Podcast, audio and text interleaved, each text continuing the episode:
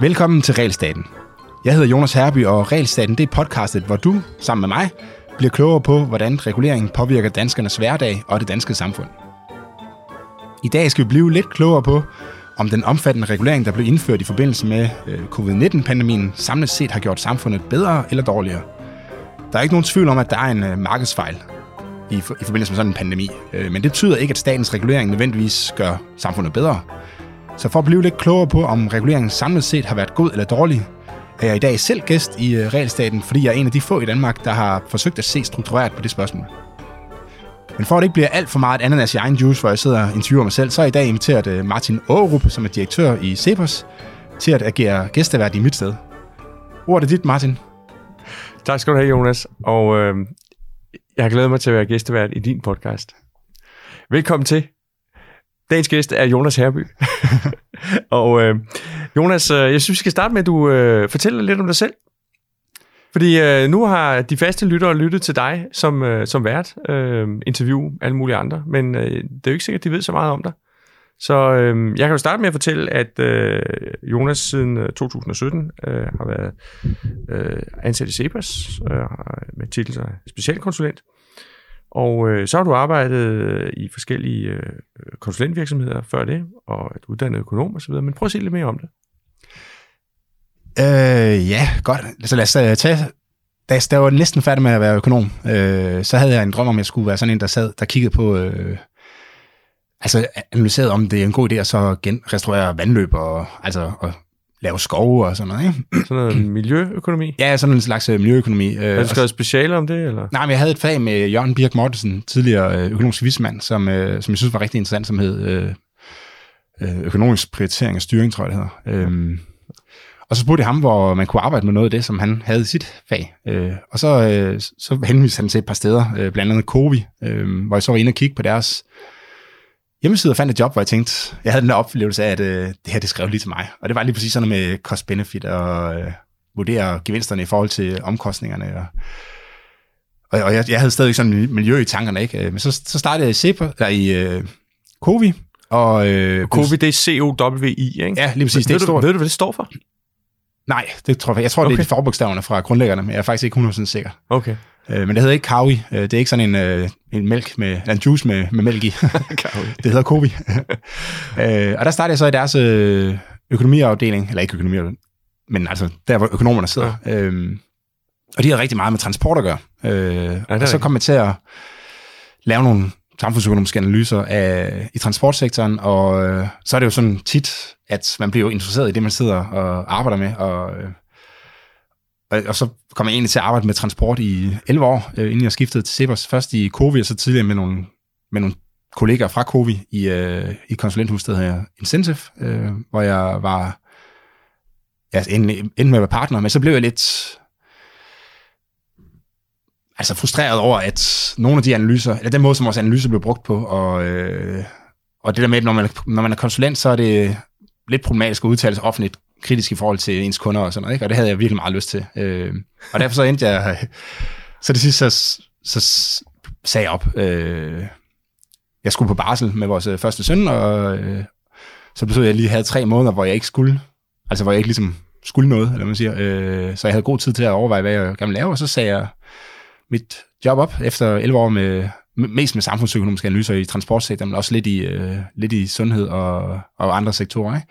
Metoden er jo lidt den samme, men det er klart, at teknikken er, øh, er anderledes afhængig af, hvilken sektor man arbejder i. Ikke? Og så øh, sagde jeg mit job op, og øh, så nogle, nogle dage efter, så, så ringede jeg til dig. Det er nemlig rigtigt. Jeg sagde, at øh, jeg vidste godt, at I ikke havde job til mig lige nu og her, men hvis jeg nu engang gerne vil arbejde sådan et sted som Cepos, hvad, hvad ville så være smart for mig? Og, altså, hvilken job skulle jeg så søge hen? Øh, for jeg tænkte at jeg skulle have noget, som var, altså hvor det handlede om at udbrede sine holdninger til ting og sager. Øh, altså var det ligesom var mit job, eller også et job i en stor virksomhed, hvor folk var super ligeglade med, hvad Jonas han skrev i avisen. Ikke? Altså, hvis han sad i et eller andet, et eller andet rum med nogle computer og nogle data og sådan noget og lavede analyser, øh, så er det ligegyldigt, hvad en eller anden person fra det rum sagde øh, mm. i forhold til den offentlige opinion. Det, det er jo interessant, fordi det er en ting, vi to har til fælles. Øh, et ønske om at, at, at blande sig i samfundsdebatten. Øh, og det er jo ikke alle, der har det. Kan, kan du sige lidt om, ja, det ved du måske ikke. Øh, jeg er ikke sikker på, at jeg ved det, men hvor kommer det ønske fra? Hvordan, hvad, hvad, hvad, hvad er du drevet af der, tror du? Ah, det er sgu et godt spørgsmål, ikke? Jeg tror, øh, altså...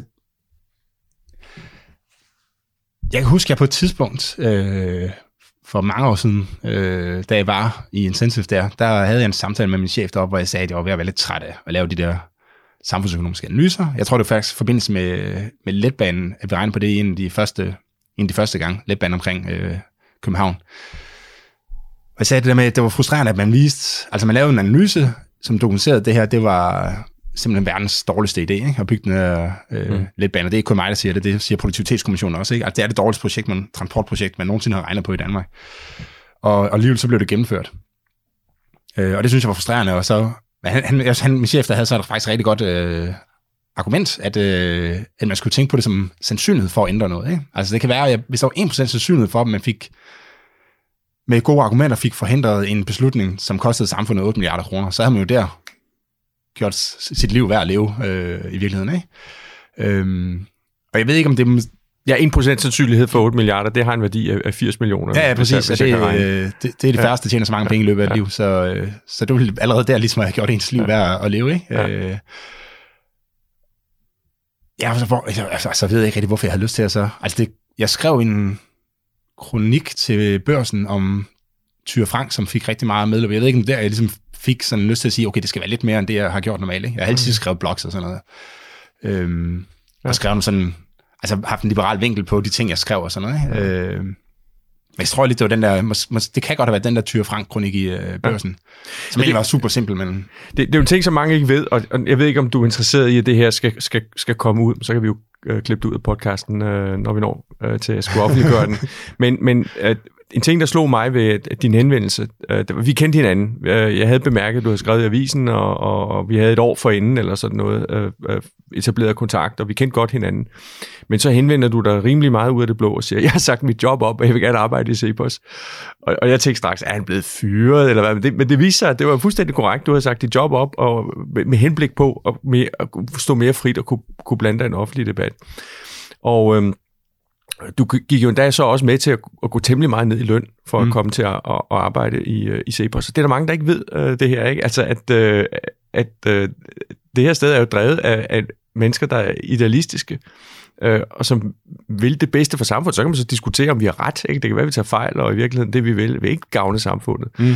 Men uh, noget, der ofte overrasker mig, det er, hvor sikre nogle af vores uh, hvad skal man sige, modstandere er uh, på, at øhm, at, at vi ikke er drevet af ideelle motiver, Øh, men, men tværtimod tror, at, at vi på en eller anden måde er, er, er købt og betalt af, af, af kapitalister til at sige ting, vi godt ved, i virkeligheden ja, det er, er det spørgsmål, man oftest får ja, altså, på, på Twitter. Ikke? Det, det er sådan ret, ret bizart, når man, når man står indenfra og kender folk, øh, og, og ved, hvordan det rent faktisk er. Ikke? Mm. Altså, jeg har ansat en hel del her, som faktisk er gået ned i løn for at komme her, ikke? Øh, og som har set frem til at have den frihed at kunne sige, hvad man selv mener, i stedet for øh, at skulle indordne sig Hvilket der jo ikke er noget galt i, når man arbejder i en konsulentvirksomhed. Altså, det er en del af gamet, at selvfølgelig, ja, ja, ja. selvfølgelig skal man ikke gå ud offentligt og kritisere sine kunder, øh, og slet ikke på det område, øh, man arbejder. Det siger sig selv. Øh, det betyder bare, at man ikke er fri til at sige, hvad man mener. Ikke? Mm. Ja. Okay. Jamen helt sikkert, helt sikkert. Det, øh, og det, der er jo nogle bånd på, når man arbejder som konsulent. Ikke? Altså, ja. jeg, altså, jeg kan 100% stå ind for det faglige, vi lavede, øh, når det var ikke, men der var jo også... Altså nogle gange så regnede man jo ikke på den løsning, som man mente var den optimale. Ikke? Altså man kunne se, at der var en eller anden løsning, der var optimal, sådan en helt klassisk eksempel, der man regner på en eller anden bro, ikke? så regner man på en bro med jernbane. Selvom man godt ved, at faktisk en bro uden jernbane ville være en endnu bedre øh, ja. løsning. Ikke? Men den kommer aldrig ligesom i, i spil, og det er jo ligesom konsulentens lod, uanset hvor faglig, øh, altså uanset hvor fagligt rigtigt det er, at så vælger man ikke selv, hvilken projekt man vil regne på. Øh, altså kunden kommer og siger, jeg vil gerne have, at I regner på den her bro her. Ikke? Ja, der, der, der vil dog formentlig være grænser, ikke? Altså, øh, der, der vil være projekter, man siger nej til, fordi ja, siger, det, der, det, er, det, er, det, er. Øhm, vi havde, vi, vi havde sådan nogle principper om, at dem der, altså der er sådan nogle analyser, som man kalder sådan nogle øh, nævne stort tal analyser, altså mm. med, hvor vigtigt er øh, en eller anden bestemt virksomhed for, for samfundet, hvor man så prøver på at regne arbejdspladser og afledte arbejdspladser og sådan noget, som om alle de ting forsvinder, hvis det var, at virksomheden lukkede. Ikke? Øh, men det ved man godt som økonom, at det, det gør de ikke. Altså, det vil bare blive erstattet nogle andre arbejdspladser. Ikke? Ja. Det, det, I sidste ende er det jo arbejdsudbud, der afgør, hvor mange arbejdspladser der er. Ikke? Ja. og den, den slags analyser, den, øh, dem lavede vi ikke. Ja. Altså fordi det, fordi det simpelthen mente, det var ikke fagligt Nej. rigtigt. Ikke? Øhm, så er der jo så en ting, øh, og så skal vi videre til analysen, øh, men, men, der, men, der, men der er lige en ting, og, og det er, øh, øh, øh det er klart, at øh, alle institutioner er jo afgrænset i det, de arbejder med. Altså det er jo ikke kun managementkonsulenter, der er det, men det gælder for eksempel også de offentlige sektorforskningsinstitutter. De har et kommissorium, og det har, øh, når, man, når der bliver nedsat kommissioner, velfærdskommissionen og hvad de forskellige kommissioner mm. nu har haft. De har også haft et kommissorium, der fortæller dem, øh, hvad det er, de øh, skal arbejde med, og hvad de og hvad de skal holde ude af, af deres øh, analysearbejde. Mm. Og det kan jo godt nogle gange være sådan ret begrænsende. Ledelseskommissionen, der var sådan nogle, nogle, nogle ret vigtige ting vedrørende indretning af den offentlige sektor, som de slet ikke måtte se på. Øhm, Øh, og det gælder også i et eller andet omfang her, øh, her i Cepos, må jeg sige, for, for, for at lave en disclaimer. Altså, øh, vi, ja, det er en, en beslutning, at vi ikke arbejder med udenrigs- og sikkerhedspolitik. Øh, og det skal bestyrelsen godkende, hvis vi pludselig vil lave analyser om det. Så der er jo så selvfølgelig altid nogle grænser. Mm. Men, men vi har meget øh, hvide grænser her. Du kan jeg sådan set inden for øh, økonomi øh, sætte analyser i gang om, om hvad som helst. Og det er jo også en af grundene til, at da øh, coronakrisen kom, så kunne vi sådan set smide alt, hvad vi havde i hænderne og gå i gang med at arbejde med det, øh, også selvom vi ikke havde kunder på det, fordi vi har jo ikke kunder, vi har donorer, der, der, der støtter ja. os generelt i vores arbejde. Og det gjorde du. Du smed stort set alt, hvad du havde øh, i hænderne da coronakrisen ramte os, så begyndte du at arbejde med, øh, med, øh, med den problemstilling set ud fra et økonomisk øh, perspektiv. Og i starten, der var der utrolig mange, der reagerede på, når økonomer skrev om covid-19, ved at sige, du er jo ikke epidemiolog, så hvad ved du om det? Mm. Men, men øh, hvad, efterhånden tror jeg nok, de fleste har forstået, at når man skal håndtere en, en krise, så handler det ikke kun om, hvordan epidemien virker sådan rent øh, biologisk, men også om, hvordan et samfund virker. Mm. Øhm, det seneste, du har set på, det var, om, det, om nedlukning var en, en, en god ting. Øhm, prøv at fortælle om, om, om den analyse. Nej, jeg, jeg kan lige starte med at sige, at analysen viser, at nedlukningen af Danmark under coronakrisen har været øh, så omkostningsfuld, at samfundet betaler cirka fire gange mere for at redde et leveår fra coronadød, end vi normalt vil være villige til at betale for at redde et leveår hos andre patienter, for eksempel kræftpatienter. Mm. Øhm, betyder det, at nedlukningen har været en en skidt ting. Ja, det, det, det gør det i mine, øh, mine øjne. Og jeg vil også sige, det der det tal, der du nævner, det, nu sagde du cirka 4, men jeg vil nok sige, det er mindst, øh, mindst 4. Altså det præcis tallet er mindst 3,7, jeg kommer, kommer frem til. Altså vi taler mindst 3,7 gange så meget for at redde patienter, som er, øh, altså fra at dø af covid-19, som vi betaler, som vi normalt betaler for at redde patienter fra at dø af øh, alle mulige andre ting. Så kan man, kan, man, kan man det vil sige, at man kunne redde fire gange så mange, næsten fire gange så mange øh, liv, øh, ved øh, ikke at nedlukke og så bruge pengene på at redde liv på anden vis? Ja, jamen det, det, det, er sådan, det er den måde, man kunne tolke det på. Ikke? Altså i stedet for at øh, lukke alle frisørsalonger ned, og massører og fysioterapeuter, og hvad, man, hvad der ellers er sket, så kunne man jo have opkrævet en hel masse penge i skat, som havde medført de samme tjener og omkostninger for, øh, for samfundet, og brugt de her penge på at så købe nye behandlingsmetoder og ny medicin. Øh, og altså, ja, alle de ting, der nu engang kan gøre, at vi får flere gode øh, leveår øh, igennem sundhedssektoren. Ikke? Og, hvor, og hvorfor er sådan en beregning øh, væsentlig at lave? Hvorfor har du lavet den? Hvad skal vi med den? Jamen, der er, øh, der er to principper. Jeg har også lavet en video om det, øh, som man kan se på Cepos øh, Facebook-side. Men der er virkelig to, to grunde til, at jeg synes, at det her det er en vigtig øh, diskussion. Ikke? Den ene, det handler om, at man skal bruge ressourcerne effektivt. Altså det er sådan en lidt klassisk øh, økonomisk, øh, eller samfundsøkonomisk tankegang. Ikke? At man skal bruge samfundets sparsomme ressourcer så effektivt som overhovedet øh, muligt. Og den anden øh, ting, det er, at man skal behandle borgerne ens. Øh, og man siger, hvis vi som vi lidt har snakket om, hvis vi bruger øh, fire gange så meget på at redde øh, en patient øh, som vi normalt, eller som vi betaler for at redde andre patienter, jamen så kunne man jo redde flere patienter, øh, tre ekstra patienter, hvis man øh, brugte penge lidt anderledes. Ikke? Og det betyder jo, at man får mindre for øh, samfundets ressourcer, end man ellers skulle have fået. Altså vi kunne redde flere liv, hvis vi havde brugt pengene anderledes, end, end vi har gjort. Mm. Eller ressourcerne, det er jo ikke kun penge. Øh, det kan vi komme lidt tilbage til, hvorfor, ja. altså hvad det er, ikke? Men, men i virkeligheden er det samfundets ressourcer i, i, i bredeste forstand, i sådan en samfundsøkonomisk analyse. Så det, så det er det en princip, ikke? Det handler simpelthen om at få altså reddet så mange som muligt, for det de ressourcer, man nu engang øh, har afsat til det formål. Øh, og det andet, det handler om det her med at behandle borgerne lige. Altså det, øh, det er urimeligt, hvis du øh, har en, hvis der er en, der, der er syg af kræft, hvor man kender, ved, at der er en eller anden øh, behandling, øh, som man bare har, mener er for dyr. Og der, der findes behandlinger, som kan, som kan redde øh, eller forlænge øh, patienters øh, liv, som man i dag siger nej til, fordi de er for dyre. Ikke? Øh, og at man så, fordi der er en eller anden, opstået en eller anden form for jeg ved ikke, hvad man skal kalde det, altså panik eller øh, undtagelsestilstand eller sådan noget. Altså staten lige pludselig bruger øh, fire gange så meget på at redde andre patient, patientgrupper, som, altså det er jo primært de ældre, der bliver ramt af den her sygdom, så dem, der lige præcis er ældre lige nu, der, der bruger staten så uforholdsvis mange ressourcer på at redde dem i forhold til, til andre patientgrupper. Øh, og det er jo, hvad skal jeg ved, man kalde det uretfærdigt eller sådan men det er i hvert fald ikke at behandle alle borgere lige, ikke? fordi at, mm. øh, altså, influenza-sæsoner og kraft og hvad der ellers er, der, er man jo ikke, der gør man jo ikke normalt øh, så meget for at redde øh, et menneskeliv. Øhm, og derfor så bliver borgere stillet forskelligt, afhængig af hvilken sygdom de har, og afhængig af, hvornår de lige tilfældigvis er, er gamle. Ikke? Ja. Øhm. Jeg, jeg kunne forestille mig, en indvending ville være, at øhm, den betragtning med at behandle borgerne lige, den giver måske mere mening, hvis man forestiller sig, at det er beslutninger er truffet inden for sundhedsvæsenet. Altså, at man skal vælge mellem, om man skal købe noget dyr medicin, eller man skal købe en scanner.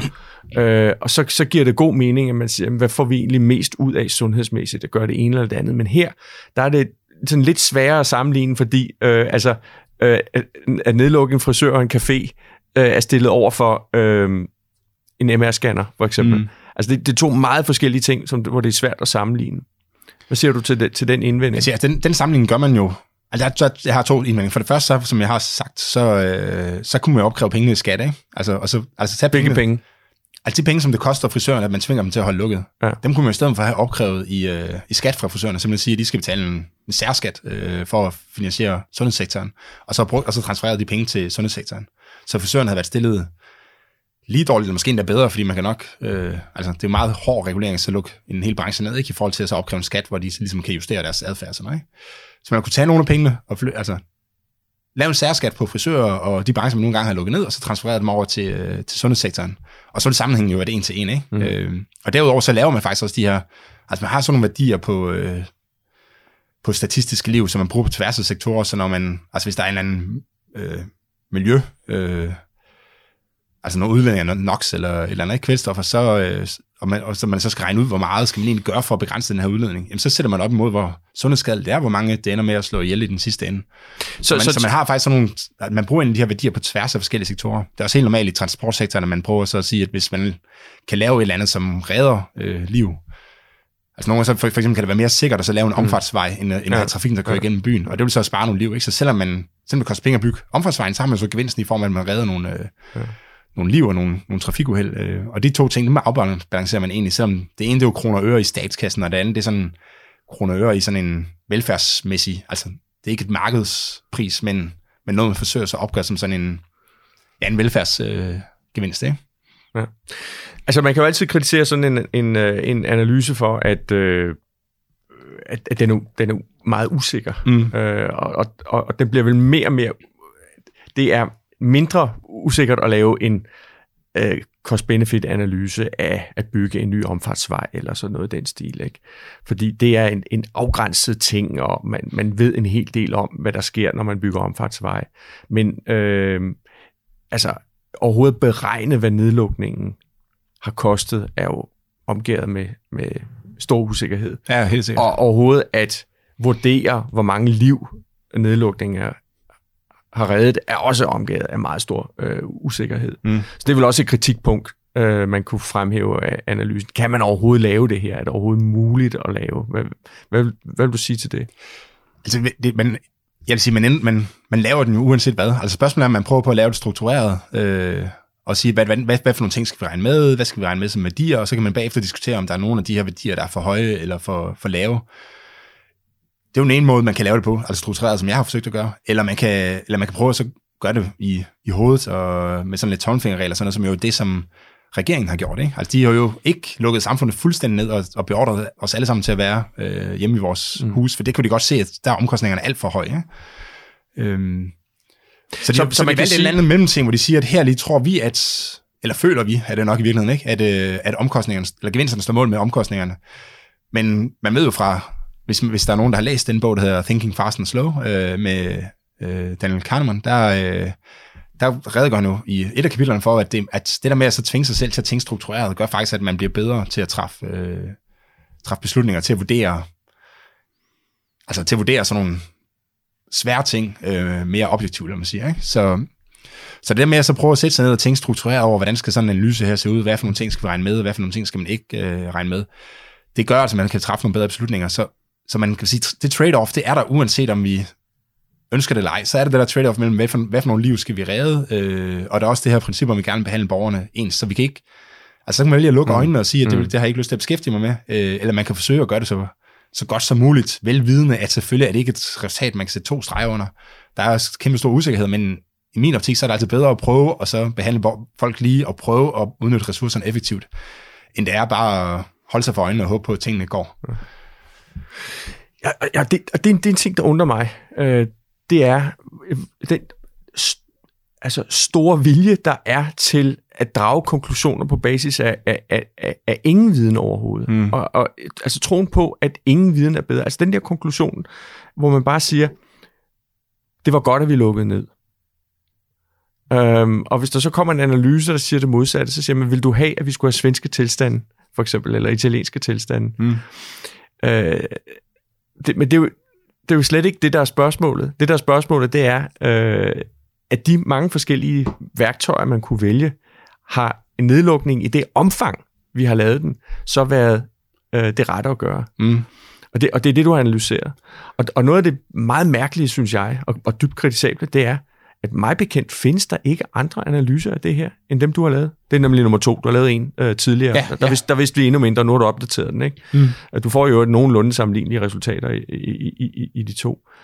Øhm, jeg synes, det er helt vildt, at regeringen ikke har sat øh, et analysearbejde i gang, der besvarer det her spørgsmål selv. Men at det er en, en, en lille privatfinansieret tænketank, der, øh, der, skal, der skal gøre det her arbejde. Hvad siger du til det? Altså, jeg er meget enig. Jeg har spurgt øh, i forskellige debatter på øh, Facebook og Twitter, har jeg spurgt øh, forskellige politikere, om de har fået fremlagt nogen som helst evidens for, at omkostninger står mål med øh, gevinsterne. Ved nedlukning? Ja, ved nedlukning, ja. ja. Og, de, øh, og selv om de har været fortaler, selv, selv politikere har været fortaler for, øh, for nedlukning, har, har sagt, altså nej, det har de, det har de ikke fået. Ikke? Så der er siddet folk i, eller der er siddet folketingsmedlemmer i øh, sundhedsudvalget og altså i folketingssalen, som ikke har stillet det her spørgsmål. Det synes jeg måske i virkeligheden er det mest ja. kritisable, øh, eller mest opsigtsvækkende. Der er ja. ikke nogen, der har interesseret sig for det her spørgsmål. Der er ikke nogen, der har interesseret sig for, om det her det Altså, det er nogle ret hæftige ting, man har gået, gået ind og lavet det. Altså, en ting er det her forsamlingsforbud, øh, som de vil have haft helt nede på, på, at de kunne gå ind og så regulere, om man må være mere end to sammen. Mm. Ikke? Øh, og så det her med, at man lukker folks erhverv. Altså, der er jo den her, øh, nu kan jeg ikke huske, hvad det er, det, hedder man, en eller anden fri erhvervsret i, i grundloven. Ikke? Næringsfriheden. Næringsfriheden, ja, lige præcis.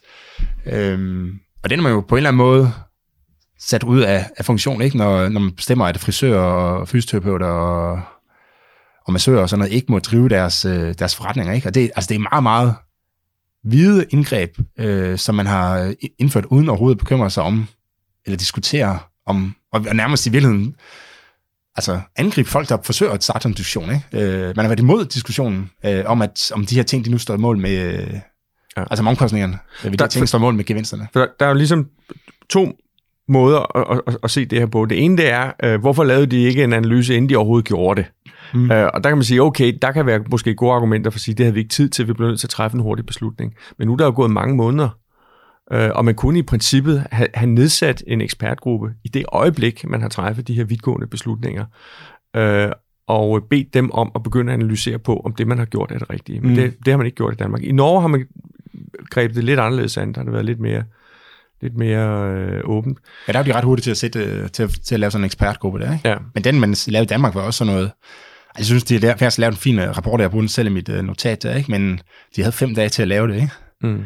Øh, og den blev nedsat... Ja, tre dage, tror jeg. At, ja, ja. ja, det, det, det, det, det kan jeg ikke huske, men... Øh, og den blev nedsat meget sent, ikke? Altså, hvorfor er der ikke nogen, der har... Jeg synes virkelig, der er, der er mange ting, som undrer mig i den der, ikke? Altså, man ikke har brugt til ja. private marked mere. Altså, hvorfor, der ikke, hvorfor kommer der ikke et udbud af, ja. af test? Ja. Altså, når vi... Altså, jeg jo konsulent, når vi så skulle lave nogle... Øh, nogle spørgeskema eller et eller andet, ikke? så kontaktede vi nogle af de folk, der kunne finde ud af det. Ja. Altså lave, finde ud af at lave sådan nogle øh, stikprøver, og finde ud af at få fat i folk og få dem Øh, altså nogle gange er det jo telefon- eller webbaseret, men der, vi har også haft nogle samarbejder med nogen, hvor de simpelthen skulle ud i busserne og så spørge folk, hvor de skulle hen og fra og til og sådan noget. Ikke? Så der findes folk, der kan finde ud af de her ting. Øh, eller i hvert fald kan lave noget, der er sådan relativt solidt, ikke? Øh, mm. Øh, men alligevel har man ikke altså udbudt det, når man nu ved, at omkostningerne de er altså absurd store ikke? ved den her ved nedlukningen. Ja. Så hvis man har afsat, hvis man har afsat 200 millioner kroner til at lave tilfældige stikprøver, Altså, så skulle man nok have fået nogle private til at så finde på nogle gode metoder til at få lavet det, ikke? Ja. Øh, men, men det har man simpelthen ikke gjort. Øh, og, det, og, det, og det forstår jeg simpelthen ikke. Altså, det forstår jeg ikke. Det samme smitteopsporing nu, ikke? Som, øhm, som i hvert fald ikke ser ud til at køre sådan super godt. Jeg forstår ikke, hvorfor man ikke har forsøgt at udlicitere det. Altså det kan godt være, at der er nogle øh, lovmæssige grunde, altså nogle reguleringsgrunde til, at man ikke kan udlicitere sådan noget, fordi der er nogle personfølsomme øh, data og sådan noget forbundet med det, ikke? Men man har jo andre ting, der er så man, altså sandsynligvis ville det godt kunne håndteres, og, og ellers kunne man jo lave det uden at gemme de her person, øh, data. Øh, jeg, jeg, jeg, forstår, jeg forstår simpelthen ikke, hvorfor det ikke er blevet, hvorfor det ikke, man ikke brugt det ja, private altså, marked. Vi har jo privatpraktiserende læger, der, der øh, håndterer personfølsomme data. Ja, ja, vi har privat hospitaler, der øh, håndterer personfølsomme ja. data. Det er jo noget med, hvordan man regulerer de private aktører, øh, der er afgørende der. Og i forhold til den her nedlukning her, der er det jo været, øh, altså der er de der omkostninger jo, altså marginale i forhold til, hvad det koster at lukke samfundet ja. ned. Ikke? Så. Ved, ved du, øh, altså jeg forestiller mig, at det direkte er, vil være ulovligt at bygge en omfartsvej øh, eller en svømmehal, uden at man først havde analyseret øh, på den måde, øh, som, som, som vi taler om her, altså en form for cost-benefit.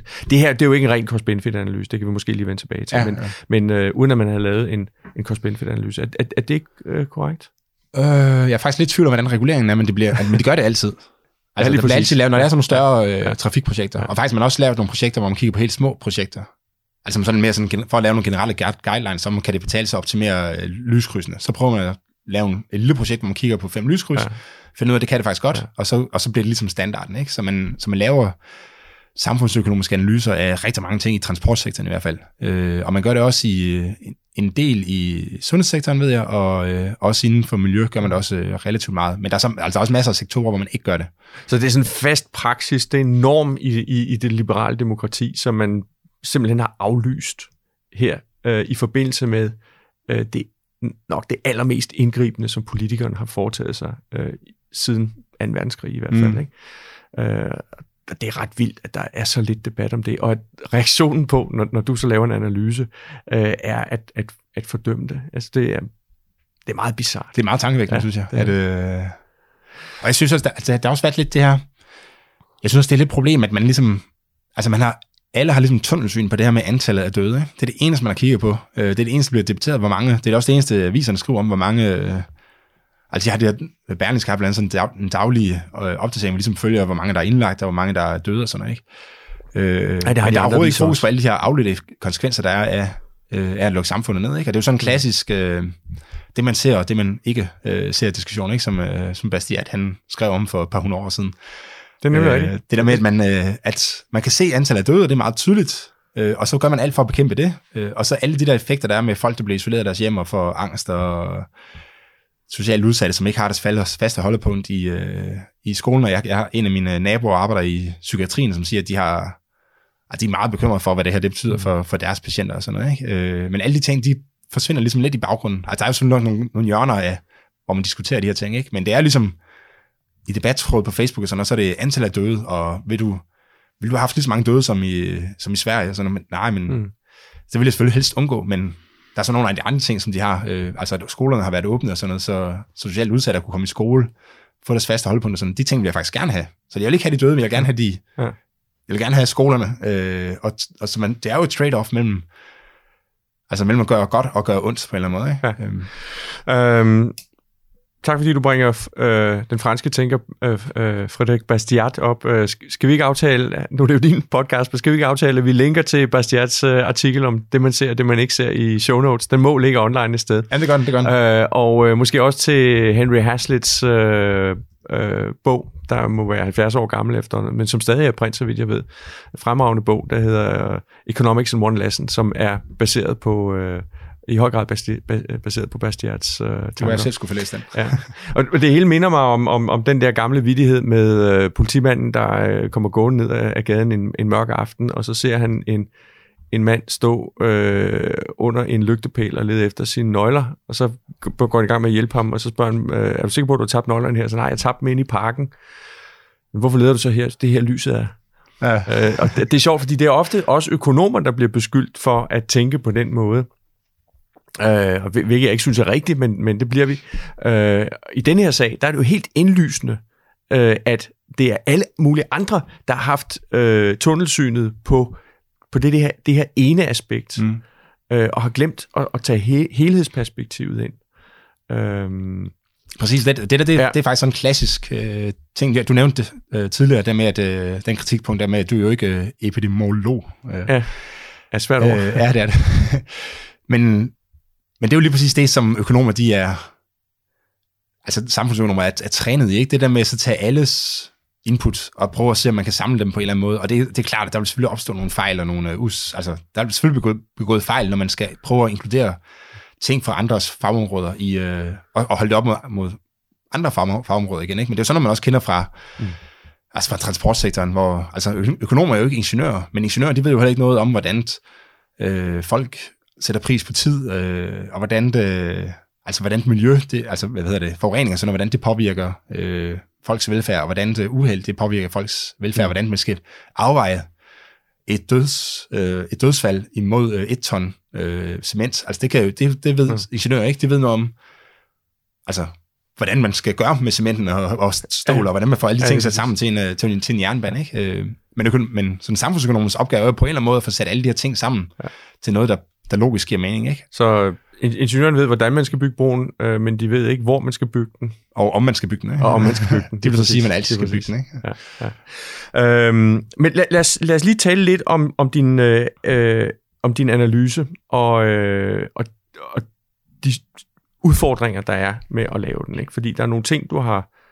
Øh, med, der er jo et element af øh, denne her øh, lygtepæls... Øh, øh metafor i din analyse. Der er nogle ting, du kan regne på, mm. og så er der nogle ting, du øh, ikke kan regne på. Der er også nogle ting, du måske kunne have regnet på, men som du har valgt fra, og så videre. Prøv at sige lidt om det. På, på, på omkostningssiden, der vil et spørgsmål, som, som øh, lytterne måske har, øh, det vil være, jamen, øh, nu siger du, at det er en omkostning for frisørerne at være lukket ned, men selv hvis man ikke havde lukket ned, så havde øh, coronaepidemien jo formentlig haft store omkostninger for frisør, fordi folk var jo frivilligt holdt op med at gå mm-hmm. til, til frisør.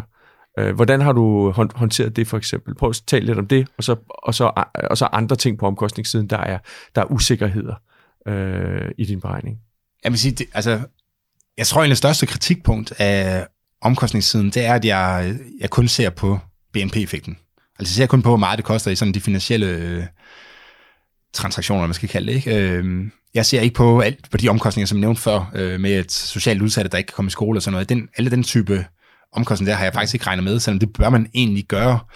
Øh, så men, det er for eksempel øh, omkostninger som, at der er øh, gamle, der er døde på plejehjemmet øh, og har levet deres sidste måneder i ensomhed, uden at kunne se deres, øh, deres ja, pårørende. Ja, præcis. Øhm, alt det der, som, alle de bløde værdier, ja. som økonomer normalt øh, ja. kritiseres for at ikke regne med, men som faktisk kan man, rigtig meget. Kan man sætte et pengebeløb på det? Øh, Kunne man gøre ja, det? altså, det bliver jo usikkert, ikke? Øh, men man vil godt kunne gøre det, hvis ja. man havde ressourcer nok. Ja. Altså i bund og grund, så er det et spørgsmål om ressourcer, ikke? Jeg har jo siddet og lavet det her øh, meget her, her, her, her er der måske lige en ting, vi skal, øh, vi, vi skal vende, som øh, man ofte hører som økonom, som, som en, en kritik, at, at folk synes, at det er på en eller anden måde fornedrende, øh, eller plat, eller hvad man skal kalde det, øh, at, øh, at sætte pengebeløb på den slags. Men pointen med, det er jo at forsøge at få bragt det ind i lyset. Præcis. Ikke? Altså ja, forsøg ja. at, vi, vi, øh, vi ved, der er noget, der er vigtigt. Vi ved, at nøglerne ligger et sted. Og en, en, en af nøglerne til at forstå det her, det er, at der er, er ensomhed som følge af nedlukning. Mm. Og så skal vi prøve at kaste lys over det. Øh, og så prøver vi at bygge en lygtepæl, om man så må sige, et sted inde i parken, sådan så man kan finde, finde den nøgle. Øh, og den måde økonomer gør, på, gør det på, det er ved at, at have en, noget, der er sammenligneligt på tværs. Altså, hvordan sammenligner man øh, rundtårn og tordenskrald? Hvordan sammenligner man æbler og pærer? Øh, hvordan sammenligner man ensomhed og øh, frisører, der mister indkomst? Mm. Jamen, der, den bedste måde at gøre det på, det er ved at omregne det til en eller anden fælles faktor, og der bruger man så penge. Så det er jo ikke et udtryk for, at økonomer synes, at penge er specielt vigtigt. Det er et udtryk for, at økonomer gerne vil have et billede af øh, alle de ting, der er vigtige, på en måde, hvor man kan sammenligne det. Mm, lige præcis. Ja. Og, og, og, og det, det, det er sådan en ting, som, øh, som ofte er svært at forklare ikke-økonomer, fordi de opfatter det som fornærmende, at man kommer og siger, øh, for eksempel, altså, og det, jeg kan godt forstå det, hvis jeg nu havde en, en pårørende, der var, øh, der havde oplevet de, de sidste måneder af sit liv på den måde, øh, og, og du så kom og, og, og gav en beregning på, hvad omkostningen var ved det, øh, så ville det føles lidt forkert. Men omvendt, når der i samfundet skal træffe store beslutninger, hvad så alternativet? Jamen det er at ignorere det. Mm. Og det er jo sådan set det, folk gør lige nu. Ikke? De ignorerer den omkostning. Du lytter til Realstaten. Jeg vil sige, den, altså en ting, man kan jo gøre, er at prøve at se, om man kan altså i hvert fald finde ud af, om det er en, en gevinst eller en omkostning. Ikke? Øh, nu har for eksempel spærret de her øh, plejehjem, og jeg har, jeg har en fjern slægtning, øh, altså meget fjern, ikke? men øh, som, som min svigerforældre havde besøgt, som havde fortalt dem, at, øh, eller ikke besøgt, snakket med, øh, som har talt dem, at hun ville hellere have, hun på plejehjem, og hun ville hellere have besøg og, og dø, end, altså, end det, som hun var nu, hvor hun er isoleret fra, fra omverdenen. Ikke? Og, der er så problemet, at hun kan komme til at smitte andre, der ikke... Ja, ja men, det, men det man kunne gøre, det var, at man kunne spørge på plejehjemmet, hvor mange har det egentlig sådan, ikke? Ja. Øh, og det, så vidt, det har jeg i hvert fald ikke stødt på, at der er nogen, der har gjort det, men hvis man nu spurgte alle plejehjemsbrugere, hvis nu de alle sammen sagde, at de ville hellere have besøg. Øh, og altså på et givet plejehjem? Ja, på et givet plejehjem, ikke? Eller, øh, ja, eller alle plejehjem, for næste skyld. Ikke? Mm. Men hvis nu der var bred enighed om, eller bare langt de fleste mente, at det faktisk det vigtige, det var at dø på en ordentlig måde, end at, end, øh, end at få udskudt døen. Ikke? Øh, jeg, jeg tror, jeg får lidt mere respekt, også efter jeg har lavet den her analyse, fordi jeg snakkede med, med folk, der har arbejdet på plejehjem, og øh, også for den her personlige øh, historie her. Ikke? Jeg tror, jeg får mm. lidt mere... Jeg kommer til at tænke lidt mere over, at når man er i de sidste måneder af, sin, af sit liv, som man jo er, når man er på plejehjem, ikke? De, man bor ikke særlig mange år på plejehjem, øh, men når man er i de sidste måneder af sit liv, så, har, så er ens prioriteter måske øh, anderledes på en, hel, på en måde, som jeg overhovedet ikke forstår. Øh, ja. Altså det der med, at det er vigtigt at kunne holde sin familie i... Øh, måske, nu, nu gætter jeg? Øh, fordi jeg har jo ikke lavet den her undersøgelse, jeg har ikke sat ressourcer af til at så lave en ny undersøgelse med folk, der bor på, på plejehjem. Men måske er det faktisk vigtigere, at man holder familien i hånden, når man øh, trækker sit sidste vejrtrækning af det, ikke? Ja. end det er at, øh, end det er at få forlænget sit liv med, med et halvt år. Altså, altså, jeg ved ikke, jeg, det, kunne, det kunne være sindssygt interessant, ikke? Øh. Altså, det er i hvert fald noget, der ligger dybt i vores kultur, at, at vi, vi opfatter det som vigtigt. Da, da min mm. farmor øh, lidt pludseligt øh, lå for døden, der ville skæbnen, at øh, hendes øh, to øh, sønner ikke kunne nå frem. Og så øh, ringede øh, plejehjemmet til mig. Hun, hun, hun øh, boede på et plejehjem i Grenå, og jeg jeg boede i Roskilde, og det var en lørdag, øh, og øh, det er mange år siden. Øh, og, og der flaskede det sig sådan, at jeg kunne smide alt, hvad jeg havde i hænderne, og øh, kaste mig ud i en taxa og, og, og køre ind til øh, Københavns Lufthavn. Og så nåede jeg lige præcis en flyver, som landede i Tirstrup, og så tog jeg en ny taxa, og så sad jeg hos hende i 45 minutter, inden hun døde. Mm.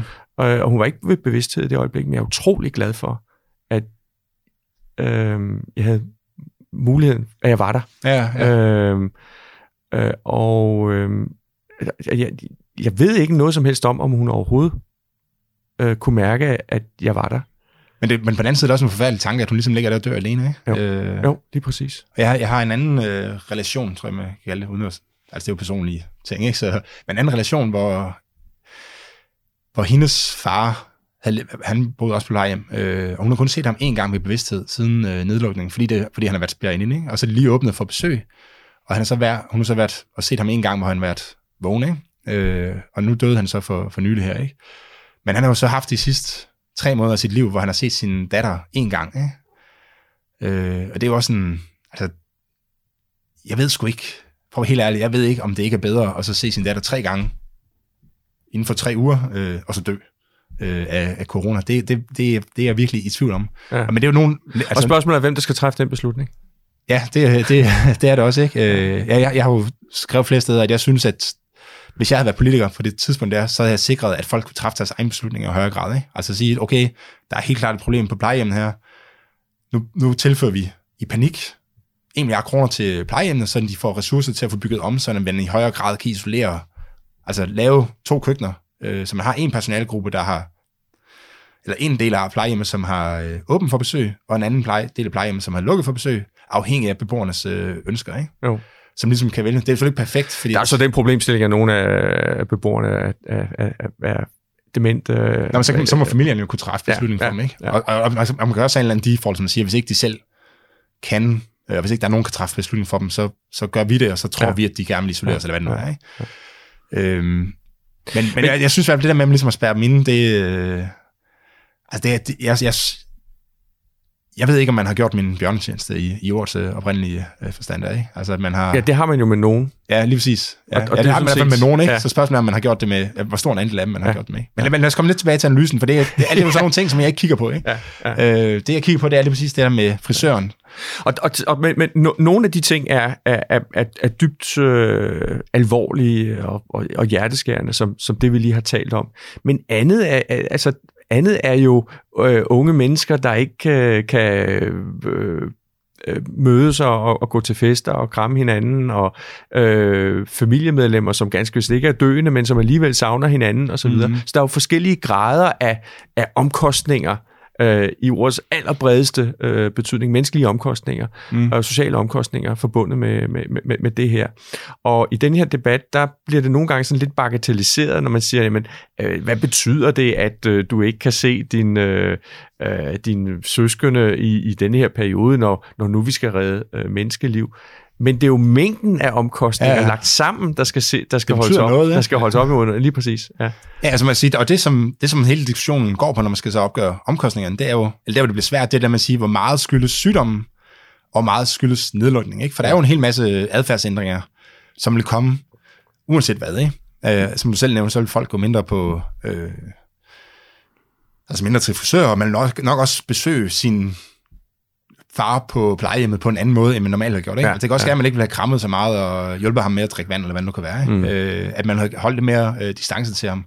Og den omkostning vil være der alligevel, det er jo ikke politikernes skyld, kan man sige. Øh, så, det, så man skal ligesom prøve at så finde ud af, hvor meget af det skyldes så politikerne. Og det er blandt andet noget af det, som ekspertgruppen i Danmark kigger på, og de kommer frem til, at det er cirka, altså den måde, som de kigger på, er cirka halvdelen af de omkostninger, Altså de rent økonomiske... Ja, er rent økonomiske omkostninger. Der er cirka halvdelen ja. af dem er, øh, altså skyldes øh, nedlukningen, lidt mere end halvdelen. Og den anden halvdel skyldes øh, adfærdseffekterne. Ikke? Øh, og, det, og det er så virkelig en detalje, jeg har taget med. Ikke? Så jeg har, set, jeg har sagt, at øh, der er nogle omkostninger, nogle gevinster ved, øh, ved nedlukningen, altså økonomiske omkostninger, Ja. økonomiske gevinster. Så for at tage vores plejehjems øh, snak der, så er der nogen, der, der bliver der undgår at dø, øh, og der er nogen, det er en gevinst for dem, øh, og så er der nogen, der ikke får besøg, og det er en omkostning for dem. Øh, og så har jeg simpelthen sagt, okay, jeg antager, at de ting, de øh, går lige op. Altså, de her bløde omkostninger, de bløde gevinster, øh, de går lige op.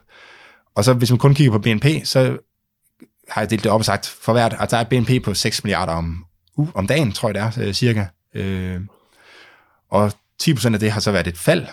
Altså, altså BNP er så faldet med 10% ifølge ekspertgruppen, og halvdelen af det skyldes så nedlukningen, og den anden halvdel skyldes adfærd. Så er det så sagt, at altså den halvdel, der så skyldes nedlukningen, er... Øh, altså det er jo så omkostningen ved politikken, altså ved øh, nedlukningen. Ikke? 5% af BNP, Ja, cirka. ja, i den periode der, ja. ikke? Øh, frem til 10. maj, som jeg regner til. Så, så du tager øh, den første del af nedlukningen fra, øh, den blev øh, annonceret øh, 11. marts, og så Og 16, 16, det er faktisk først 16. marts, at de lukker at, ned. at den er effektueret. Ja. Ja. ja, ja. Øhm, Og så frem til 10. maj. og så frem til 10. Så var maj. den sidste del, hvor de har gjort op til, ikke? Ja. Øh, ekspertgruppen. Så den periode, du ser på, og der finder du så de her omkostninger Ja, på om, omkring halvdelen af, af det samlede BNP-fald, ja, som er cirka 5 procent. Ja. Og det kan man så omregne til kroner og ørebeløb. Og øh, det sætter du så i forhold til gevinsten ved nedlukning. Og hvad, og, og hvad har du med, når du regner gevinst af nedlukning?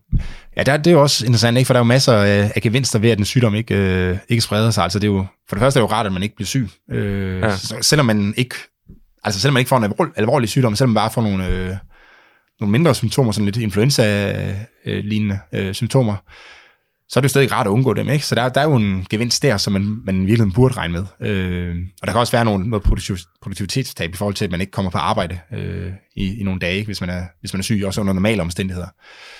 Øh, og der er også nogle af de her øh, patienter, som, øh, altså dem, der bliver ramt af corona, som ikke dør, men som øh, altså man alligevel har en, altså får nogle permanente handicaps, øh, man siger. Ikke? Altså de, de mister noget lungekapacitet, eller, eller på Mm. anden måde får nogle, altså får en permanent nedsættelse af livskvaliteten. Mm. Øh, eller kronisk, øh, altså på en eller anden måde får en kronisk, øh, kronisk, øh, hvad hedder sådan, lidelse af det her. Ja. Ikke? Og de ting burde man jo også regne med, men det gør jeg faktisk ikke. Øh, Jeg er ligesom fokuseret på det, som fylder alt i debatten, og det er jo mange, der dør. Ikke? Øh, Så, jeg, så jeg, jeg kigger alene på, hvor mange, der, der dør som følge af, øh, af nedlukningen, øh, og hvor meget forventet, altså hvor meget levetid de ligesom går glip af. Så det er jo klart, det er jo værre, hvis det er en øh, ung person, der dør, fordi de har hele livet foran sig i forhold til en, der bor på plejehjem, som, som alligevel er altså, der var en, øh, en præst, som skrev, at, øh, at corona er faktisk en, en barmhjertig sygdom, for den øh, tager dem, der, hvor, hvor, hvor døden alligevel banker på døren. Ikke? Øhm, og det må man men, diskutere, om det men det er vist nok en ret ubehageligt død. Ja, det, det, det, og det har jeg jo så heller ikke regnet med, om den er altså ubehagelig i forhold til, hvad man ellers kunne, kunne, kunne dø af. Ikke? Øh, men så jeg ser alene på antallet af døde, og hvad, hvad deres forventede levetid kunne være. Ikke? Og hvis jeg lige stemmer med, med restlevetiden, så har jeg... Øh, så, så ser jeg på, hvad... Altså jeg kigger på aldersfordelingen, hvordan har det set ud med dem, der er døde, og så øh, ser jeg på, hvad den normale forventede levetid vil være for dem, og så tager jeg højde for, at øh, nogle af dem har jo en øh, medfødt... Øh, altså de, de fleste af dem har en sygdom i forvejen af en eller anden art, som også betyder, at de har en lidt kortere øh, levetid. Jeg kan ikke huske tallet helt i, øh, i hovedet, men det betyder faktisk ikke så meget igen, at man har en, en sygdom i forvejen. Det betyder ikke så meget for, hvor længe man lever, men det betyder noget for, hvor, hvor meget ens livskvalitet er i den periode. Øh, så man korrigerer også for livskvaliteten i sådan nogle, øh, sådan nogle analyser her. Ikke? Og det er standard, det er også det, man gør, når man regner Ja, det er helt standard. sundhedsvæsenet på medicin Ja, det er helt standard. og, og så. Ja. Så man siger, der hvor jeg begår, i forbindelse med der, hvor meget forventet levetid de er tilbage, der er den, der hvor jeg begår den helt store fejl, det er, at jeg kun kigger på alder, så jeg ser ikke på, om de for eksempel er på plejehjem eller ej.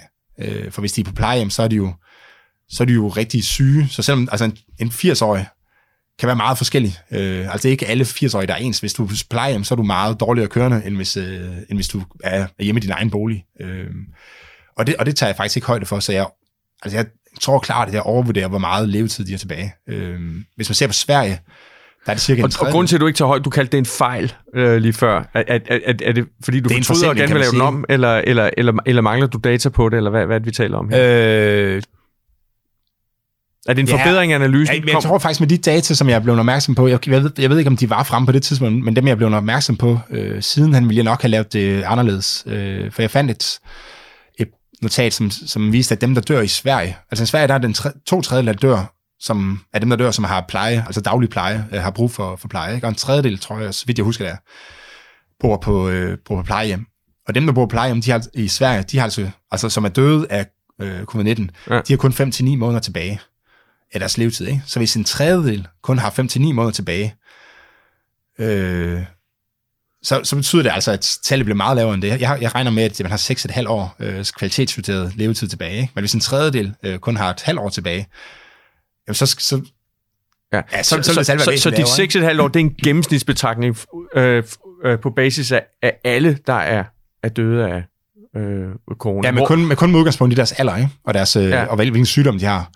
Men jeg, men jeg tager ligesom ikke højde for, at altså dem, der dør, det er jo ikke... Altså, jeg ser Du jo har ikke- ikke andre socioøkonomiske oplysninger om dem. Det er det, der er problemet. Altså, ja, præcis, præcis, præcis. Så jeg siger ligesom, en, en kolpatient, han øh, har i gennemsnit øh, x antal år tilbage at, at leve i, men dem, der dør blandt kolpatienter, er jo sandsynligvis dem, der har det dårligste, ikke? Øh, og, det, og det tager jeg ikke højde for. Så jeg siger ligesom bare, at det er en gennemsnitlig øh, kolpatient, der dør. Ja. Øh, selvom det sandsynligvis er dem, de dårligste øh, kolpatienter, der dør, som... Jeg tror da ikke, hvis man har cola, så øh, er det en, en rigtig skidt sygdom at få. Næsten, jeg forestiller mig, at der kunne være en enormt høj dødelighed blandt, hvis man i forvejen har svækket lunger.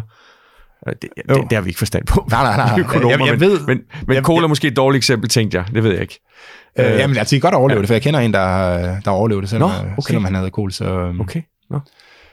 så, så det skal man godt overleve, men det er ikke, en, det er ikke den visse død. Og det, er, det tror jeg ikke, det er for nogen af dem her. Altså, der er, altså, der er nogen, der har virkelig høje øh, dødsretter. Sådan, så nu må du ikke lige hænge mig op på tallet, men altså, hvor vi ligger omkring 15 procent, så hvis du får den her, så er der altså virkelig, virkelig stor sandsynlighed for, at du dør. Ikke? Altså 5 procent, det, er- det er ikke noget, man normalt vil give sig ud i øh, frivilligt, vel? Men det, men det er ikke, altså, men det er ikke den visse død at få sygdommen. Altså, Nej. der er stadig ikke størst sandsynlighed for, at du overlever det, ikke? Ja. ja. For, de, for de fleste. Ja. Ja. Jeg ved ikke, om det gælder for alle, Okay. okay. men for, for de fleste er der størst øh, sandsynlighed for, at du overlever. Okay. Så øhm, det, det, du, det, du, det du for, for, for lige at opsummere den her del, det du siger her, det er, at du sådan set øh, mener, at du har overvurderet øh, antallet af redde leveår, altså gevinsten ved nedlukningen. Nej, det, Øh. nej man kan sige, det, der hænger to ting. Ikke? Det handler om, hvor mange mennesker, hvor mange dødsfald har man reddet, eller sparet, undgået, Ja. og hvor meget, altså hvor længe kunne de have forventet at leve, de her øh, personer, som, som dør det. Ikke? Ja. Og det er den her med, hvor langt de kunne have levet, der er Altså, der er jeg 100% sikker på, at jeg overvurderer det. Øh, jeg prøvede i går ligesom at skrive ned, hvad, hvad kan så ligesom tælle for, at man overvurderer det, og hvad kan tælle for, at man undervurderer det. Jeg kan simpelthen, altså, jeg kan simpelthen ikke komme på nogen, hvor jeg som argument for, at jeg undervurderer det der. Altså jeg tror klart, det er en overvurdering. Ikke? Men, om så, men så den anden del af det er jo, hvor mange der så, øh, altså hvor mange liv nedlukningen har reddet. Og det jeg har gjort, det er at kigge på, Og det, det, det, og det er meget mere kompliceret, fordi der øh, altså det er virkelig svært at så øh, komme frem med et godt kvalificeret bud på, hvor mange nedlukningen, hvor mange liv, øh, eller mange dødsfald nedlukningen har, har forhindret. Øh. Ja, også, også fordi øh, det dybest set kræver en, en bedre forståelse af, hvordan den her sygdom opfører sig, øh, hvordan den her epidemi opfører sig i, i, i befolkningen. Ikke? Altså, vi mm. ved ikke, hvad der kommer til at ske nu, når man genåbner, faktisk. Vel? Altså, kunne man forestille sig, at nedlukningen på en eller anden måde har bremset sygdomsforløbet, sådan så øh, vi om et eller to eller tre år vil kunne stå og konstatere, at vi har haft markant færre øh, der har været syge, også selvom vi åbner op igen. Mm. Jeg tror nok, de fleste er enige om, at øh, vi kan ikke køre med hård nedlukning, som, som, som vi gjorde i de første uger, nej, nej. Øh, i, i to eller tre år, uden at det, det bliver vanvittigt øh, omkostningskrævende for os alle sammen, og, og befolkningen vil formentlig øh, nægte at, at stå model til mm. det. Ikke? Øh, men, men kunne man forestille sig, at den tidlige nedlukning på en eller anden måde, havde, det, det, det er noget af det, som jeg synes det er lidt svært at forstå, hvad, hvad det egentlig er, øh, øh de her øh, eksperter i epidemier egentlig, for de er ikke epidemiologer alle sammen, nogle, af, nogle andre ting, øh, hvad det egentlig er, de forventer nu. Ikke? Mm-hmm. Altså der er nogen, der siger, at de tror, at nedlukning på en eller anden måde har været den der hammer, der har slået det ned, og så, og så kan vi på en eller anden måde holde det nede, uden at der er helt så store omkostninger forbundet med det. Men jeg ved ikke helt, hvad, hvad det er, de baserer det på, og hvorfor, hvorfor de forventer, at det skulle være sådan. Altså vores teststrategi for eksempel, synes jeg jo ikke ser ud til at det er jo ret vilkårligt, hvem der bliver testet. Det er folk, der henvender sig primært. Øh, det er jo ikke sådan, man skulle gribe det an, hvis man skulle, sådan som jeg har forstået, hvordan en god teststrategi fungerer, hvis, hvis, man, hvis det var det, vi satte på. Og, Nej, jeg synes også, at den der kontaktopsporing har ikke... Øh, altså, når man tænker på, at de har haft tre måneder til at så få det op og... Ja. Altså, det er jo ligesom det... Øh, der er jo det der meget berømte blogindlæg af ham der, hvis en eller anden data kodenørd fra øh, Silicon Valley, som har skrevet det, et eller andet om det her Hammer and the Dance, som, øh, som du sikkert også kender, ikke? men han har overhovedet ja. noget med, altså han viser overhovedet noget om epidemier. Han har skrevet, der, jeg, jeg hørte i podcast, han har skrevet om, øh, altså alle mulige andre ting, øh, tidligere også noget, altså jeg kan ikke huske præcis, hvordan man sådan Star Trek og Star Wars, og sådan, altså ja. om alle mulige mærkelige ting, ikke? Men så skrev det der blogindlæg, som er blevet læst af, altså sikkert 100 millioner mennesker eller sådan noget, ikke? Ja, helt øh, som har haft meget stor uh, impact. Uh, ja. Men jeg tror lidt, at ideen i den der, det er, at du har et system, som ikke rigtig er givet til, uh, til, sådan, til, til, til, til at håndtere sådan en sygdom her, så kommer sygdommen, og så siger nu, nu vokser den, så lukker vi ned, og og i den periode skal man så få et system op at køre, som kan håndtere den her ja. epidemi. Ja. Men, det, men det virker meget som om, de der tre måneder, de er bare gået, uden ja, at man har fået det, noget det, af det. Det så vidt jeg kan se, slet ikke sådan, regeringen har håndteret det vel. Altså, der ja. har en utrolig lukkethed om, om alle beslutninger. Der er ikke blevet nedsat øh, en masse ekspertgrupper. Man har ikke involveret private aktører i øh, udbud, som du siger, på, på tests og, øh, og, og så videre. Det, Men man har heller ikke vidst, hvad Nej. strategien var vel? Altså, så hvis, ikke, hvis du sidder ude i en eller øh, den her styrelsen for patientsikkerhed, og siger, okay, hvad, hvad er egentlig strategien? Skal vi begynde at bruge en masse ressourcer på at lave sådan noget kontaktopsporing? Jeg ved ikke, om det er det, der sker. Nu sidder jeg bare og gætter, ikke? Øh, ja. Men skal vi begynde at lave en masse ressourcer på at få etableret sådan et uh, stort uh, kontaktopsporingsnetværk med 10.000 ansatte? Eller skal vi...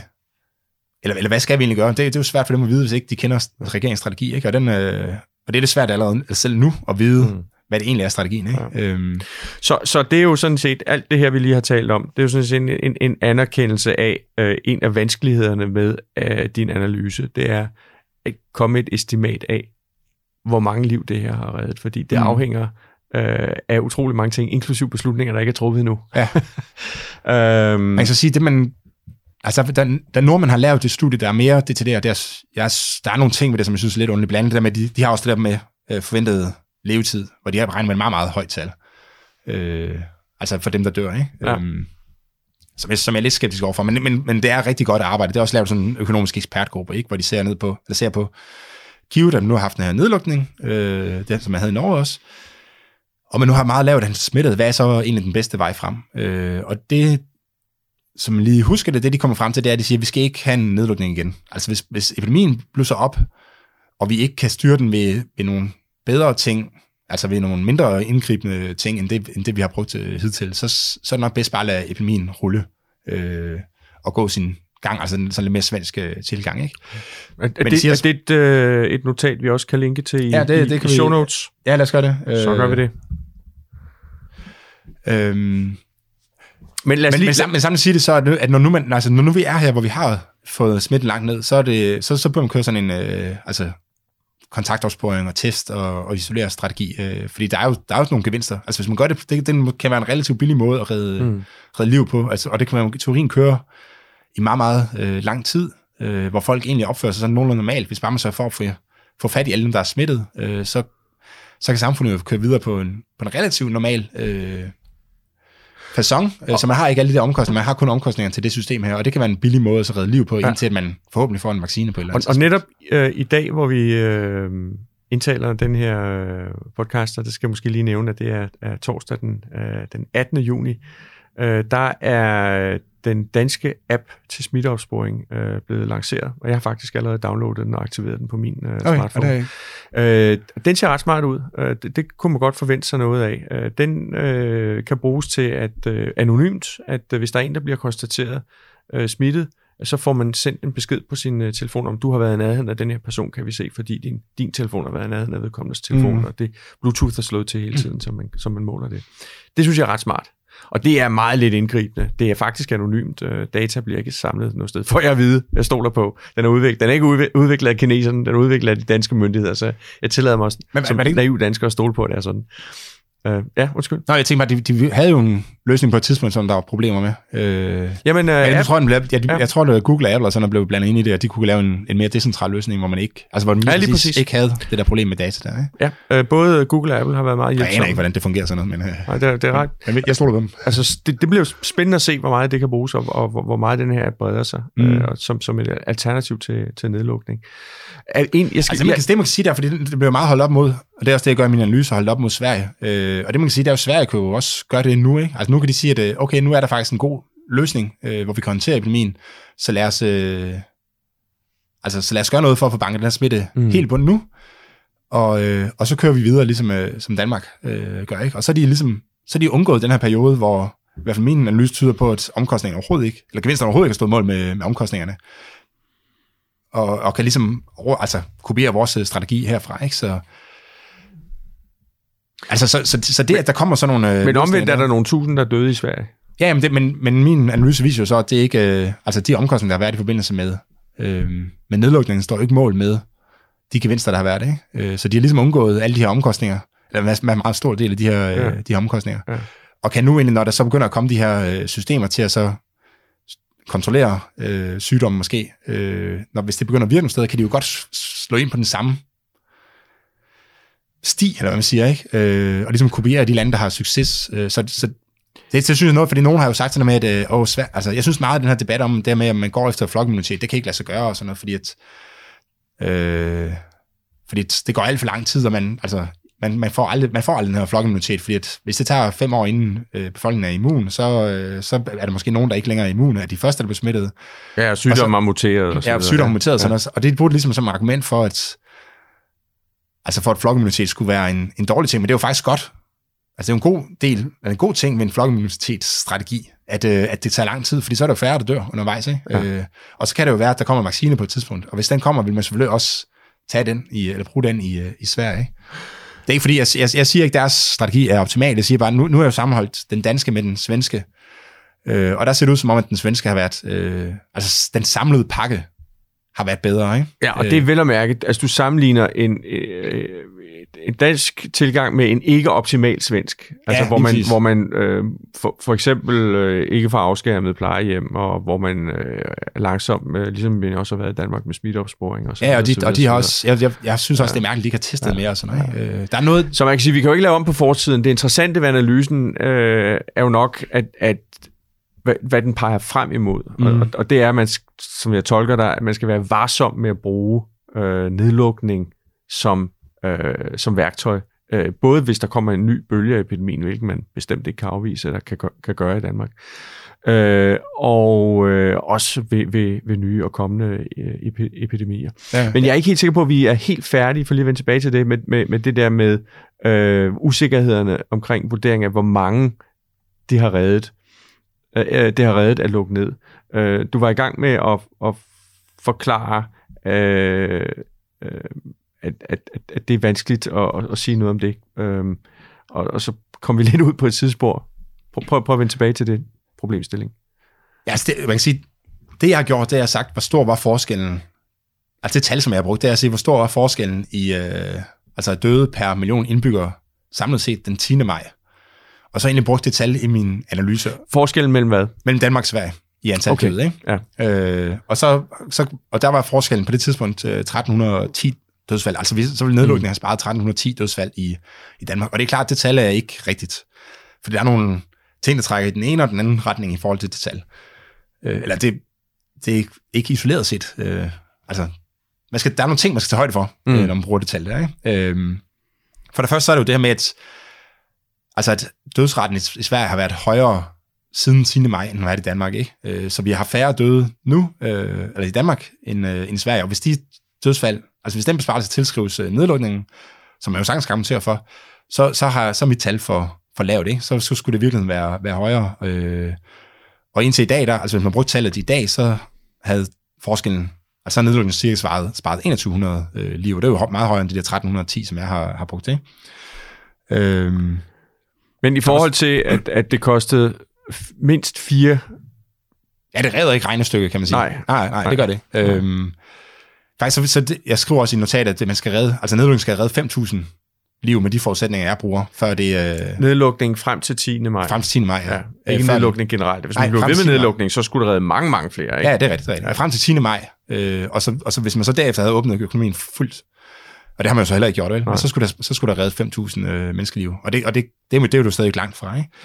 Ja. Øh, og så er der også nogen, ja, det, og det ved jeg ikke, det er sådan nogle løse rygter, men der er nogen, der siger, at der er, at der er højere mørketal i Sverige på, altså for mange, der har, er døde af det, fordi der er nogen, der ikke bliver testet, som måske faktisk er døde af, af corona, ikke?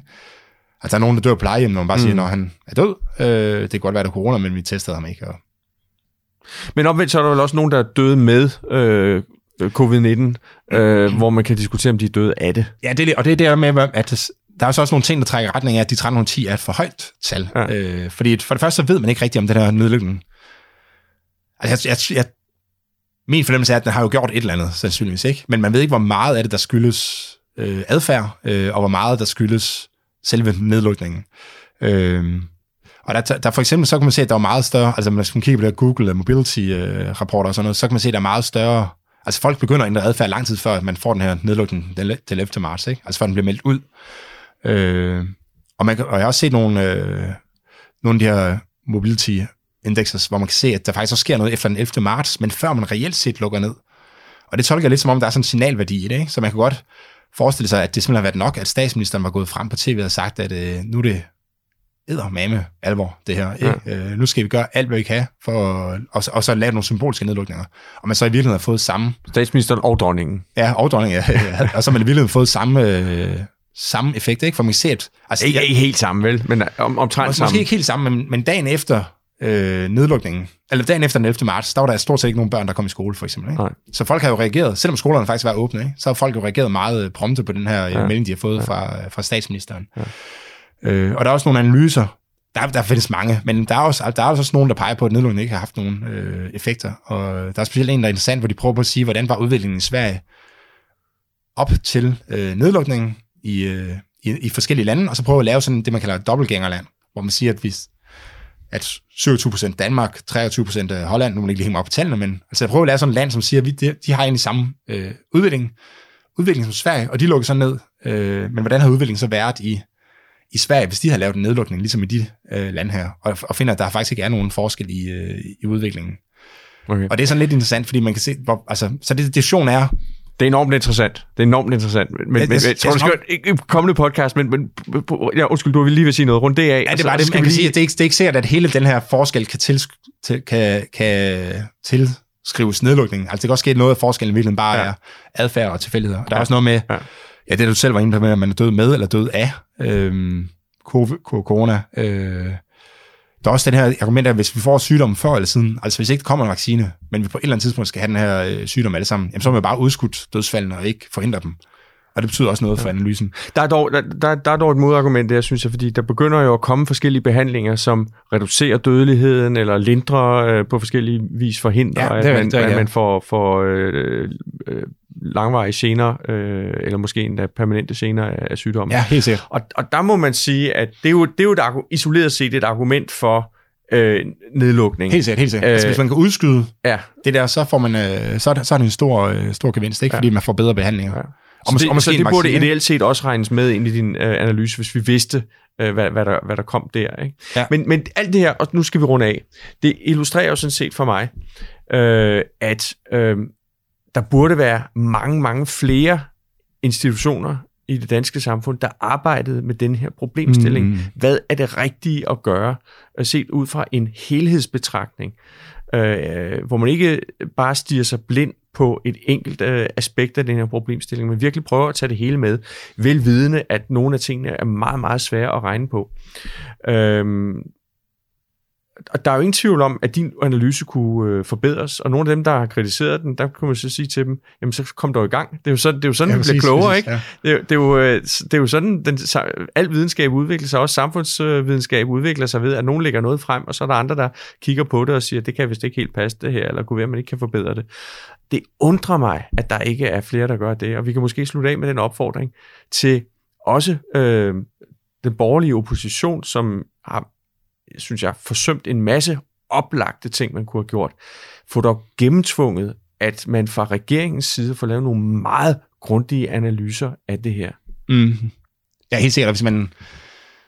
Altså nu, hvis man sidder som konsulent, der, der, hvor opgaven er bestilt af øh, det offentlige, som ligesom har adgang til de her... Øh, altså bare at sige, hvor mange mennesker bor egentlig på plejehjem i, øh, i Danmark, øh, hvad er den forventede, hvilken aldersfordeling har de, sådan, så, så vil de kunne trække de data ud til en, og det gør det jo meget hurtigere og meget nemmere, øh, og i hvert fald mindre ressourcekrævende, øh, at lave de her beregninger, som vi har siddet, altså nogle af alle de her ting, som vi har siddet og snakket om, så man kan få flere effekter med i ens øh, analyse, så man får en, øh, så man får en øh, bedre analyse. Ikke? Men jeg tror ikke, altså, Ja, du har jo siddet ene mand med det her hos os. Ja, altså, med jeg alt respekt for, nogle for hvor, hvor, hvor, hvor produktiv du er, Jonas, ikke? så tror jeg nok, at hvis man, hvis man nu satte dig sammen med et hold på, på 10 andre økonomer øh, fra øh, øh, centraladministrationen, fra konsulentbranchen, alle mulige steder, ja, det er der ikke og, og, og gav jer fuld adgang til... Øh, Til de datatræk, der nu er behov for. til-? Ja, alle de datatræk, der er behov for. Så, så kunne man jo lave en, en analyse, der var, øh, der var øh, altså mange gange bedre, end, end, end det, vi, det, vi har lavet her. Ikke? Helt det er helt ufatteligt, at det Men jeg tror er ikke, gjort. jeg tror ikke, altså konklusionen er jo blevet bakket op af sundhedsøkonomer fra, fra blandt andet Odense, altså SDU, ikke? Øhm, Syddansk Universitet, som har været ude og sige, at der er ikke nogen tvivl om, at den her, altså at lige nu betaler en meget, meget høj pris per, Ja. Ja. øh, per reddet leveår. Så jeg tror Ja. ja. ikke, altså Det bør vi også lige linke til i, i show notes. Ja, øh, det kan vi, det kan vi øh, godt. Øh, der er ikke, altså, jeg tror ikke, der er nogen tvivl om foretegnet på analysen, man siger, ikke? men det er klart, at det er jo selvfølgelig interessant, for der er også andre, altså der er også nogle ting, man ikke regner med i sådan nogle analyser ikke? Altså hvad betyder det der med, at hvis man mister tilliden til, øh, til sundhedsvæsenet, for eksempel i, i befolkningen, ikke? Ja. Ja. Øhm, altså hvis folk går rundt og bange for, om de egentlig kan få behandling, kan, hvordan, kan, man, kan man overhovedet regne sådan noget med, og det er jo noget, som man skal regne med, men det betyder noget, om man ligger på en faktor 1,1, eller om Ja. man ligger på en faktor 10 i Ja. sådan noget her, ikke? Fordi Men 1,1 det- kan det godt være, at det er en god idé. Men det, handler, men, men det handler jo også om, øh, at, at det er jo ikke et enten eller. Altså det handler også om at lave en analyse, der er, der er, er, er så sofistikeret, at man øh, måske kan sige noget om, hvilke elementer i nedlukningen, der... Mm. Mm. Altså det du konkluderer er jo ikke, at det ikke kan betale sig at lukke ned. Øh, at det ikke giver mening at lukke ned. Det du konkluderer, det er, at det omfang af nedlukninger, den måde, man har gjort det på i Danmark, var, var for omfattende. Jeg, vil, Mm. jeg vil tro, det ved jeg ikke, men jeg vil tro, at du øh, vil have en forventning om, jeg har i hvert fald en forventning om, at dele af nedlukningen har været yderst fornuftige. Altså festivaler og, og, og store koncerter og, og, og sådan noget. Sikkert meget fornuftigt. Øh, mens der har været andre dele af, af, af nedlukningen, hvor man er gået for langt. Det ved mm. man jo allerede i dag. Øh, eller det kan, så vidt jeg kan se i, i litteraturen og den offentlige diskussion, så øh, er der vist nok bred enighed om, at, øh, at skoler og så videre, det giver ikke rigtig mening. Mm, lige præcis, lige præcis, helt enig. Skal vi, øh, skal vi ikke sige, at det var, øh, det var den samtale? Det var det. det øh, lad os sige det, og tak for god, godt værtskab. Jamen, det var en fornøjelse. Det var, det var en fornøjelse at være gæst i sit eget, sit eget podcast. Også, og som altid, nu tager jeg over igen, ikke? Det må du gerne. Som altid, så er I selvfølgelig velkommen til at, øh, til at kontakte mig. Øh, eller Martin, hvis I har nogle kommentarer til hans øh, værtsrolle. Øh, på mail eller på sociale medier, så øh, jeg skal i hvert fald nok svare. Det går ud fra, at du også forsøger at gøre i hvert fald. Du får nok flere kontakter, end jeg gør. Men, øh, Det kan du tro men min mail er herbysnabelacepos.dk, og øh, I er også meget velkommen til at melde ind i Facebook-gruppen, som hedder Realstaten, hvor, øh, hvor jeg også forsøger at få svar på henvendelser, hvis der kommer nogen der. Tak fordi I lyttede med.